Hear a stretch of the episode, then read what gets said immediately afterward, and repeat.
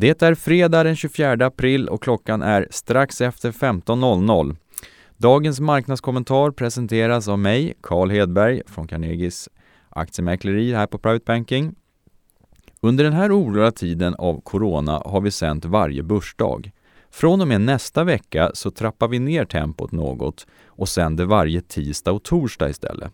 Podden kommer även byta namn till Investera och agera.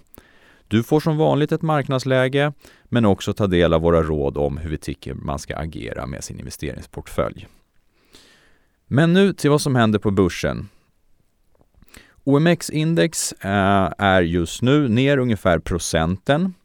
Det innebär att vi är ner 14 procent sedan årsskiftet och ungefär 20 procent från toppen som vi hade i februari. Det är ungefär samma siffror som vi ser i USA. Eh, indikationen inför deras öppning nu är upp ungefär en procent här. Men rörelserna från årsskiftet och från toppen är ungefär detsamma som för Stockholmsbörsen. Vi kan ju konstatera att de senaste två veckorna så har vi mer eller mindre haft en rörelse i sidled på börsen. Alltså ingen riktigt tydlig trend om vart marknaden är på väg. Eh, det har varit lite avvaktande in mot rapporterna.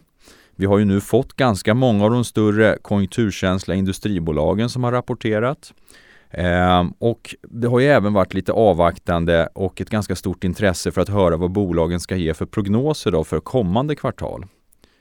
Och vi kan väl säga att om vi tittar på rapporterna så kan vi ju säga att se att överlag så har ju faktiskt resultaten för första kvartalet kommit in i linje eller till och med lite bättre än förväntningarna. Och det här har väl sannolikt en förklaring i att förväntningarna har kommit ner för att man räknade med att det skulle bli ett svagt avslutning på kvartalet. Eh, men även att sannolikt januari och februari var riktigt starka månader. Så att eh, här har det nog inte funnits något problem med förväntningarna utan frågan är väl snarare hur förväntningarna ligger i förhållande till kommande kvartal. Och här lämnar ju tyvärr bolagen ganska oklara prognoser eller inga alls. Och det har väl helt enkelt att göra med att de vet ju inte riktigt själva hur det här kommer påverka dem eller deras efterfrågan och produktion. Tittar vi ytterligare runt omkring på marknaden så kan vi konstatera att vi har fått en hel del konjunkturbarometrar också och de visar ju helt klart på ett riktigt svagt läge och det är framförallt tjänstesektorn som ser riktigt, riktigt svag ut. Tittar vi istället lite framåt då, vad vi kan försöka hålla ögonen på för att eh, ge oss någon vägledning om vart vi är på väg. Så oljepriset är ju givetvis jätteintressant att följa. Vi har ju sett dramatiska fall i oljeprisets utveckling. Eh, och det här kommer nog vara ganska volatilt ytterligare ett tag. Men en lättnad på oljepriset och stigande oljepriser skulle ju givetvis kunna ge lite stöd till, till en vidare rörelse uppåt på börsen. Sen är det ju också den här virusutvecklingen som är jätteintressant att, att följa. Och den hänger ihop sannolikt med, med även lättnader av de här nedstängningarna som jag sett runt omkring i världen. Och här finns det väl en liten sån här oro att man kan se att trots ganska stora nedstängningar så är ju avmattningen i den här trenden då med nya, nya smittade ganska långsamt fallande. Så att det finns ju en risk här i att nedstängningarna kanske inte går fullt lika eller lättnaden av nedstängningarna ska jag säga, inte går fullt lika snabbt som marknaden i det här läget kanske förväntar sig eller förväntade sig för, för någon vecka sedan i alla fall. Sen är det ju givetvis jätteintressant att följa lite grann nyhetsflödet kring läkemedel och vaccin kring, kring viruset. För det här är ju någonting som snabbt skulle kunna ge helt andra förutsättningar för, för en starkare börs. Och något som antagligen också kommer bli lite intressant att se om man kan få, det är ju några form av mid-quarter updates från bolagen, alltså att de släpper lite information löpande under kvartalet här för att få lite signaler om hur, hur efterfrågesituationen utvecklas och även då kanske produktionsmässigt vilka störningar som, som de lider av. Och här kan man faktiskt notera att, att Autoliv som, som var ute idag med sin eh, rapport sa att den kinesiska produktionen de har på de anläggningarna är tillbaks till mer eller mindre normala nivåer.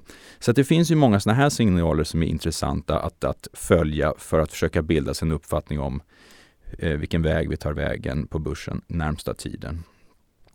Men eh, lite grann vår tro då, utifrån allt det här sammantaget så tror vi ju att det finns en risk att förväntningarna ligger lite för högt på kommande kvartal. Bolagen har ju sagt att mars av, eh, avslutades riktigt, riktigt svagt och inledningen på april lika så.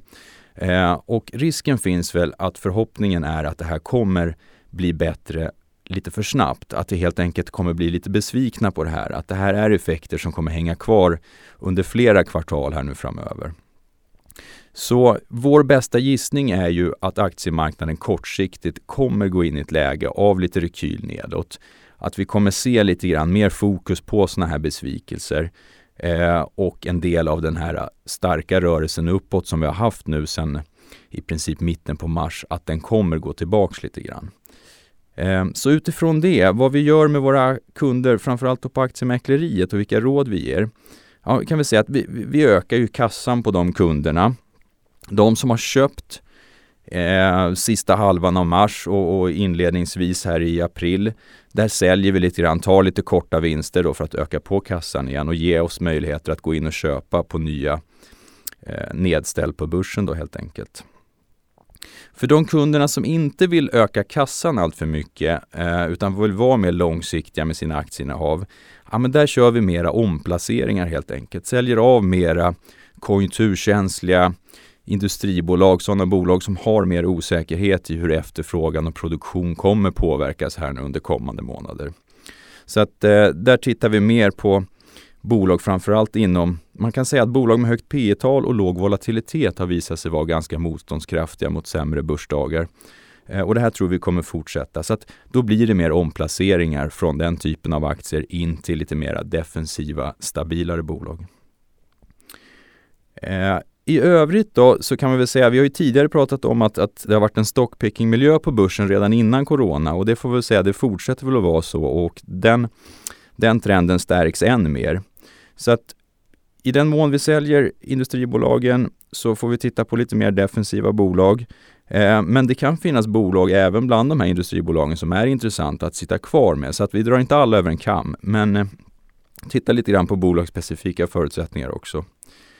Och det som vi gärna köper då eh, utöver de här bolagen eh, är ju då bolag som man kan tänka sig faktiskt gynnas av nya trender eller förstärkta trender som en följd av det här med virusutbrottet.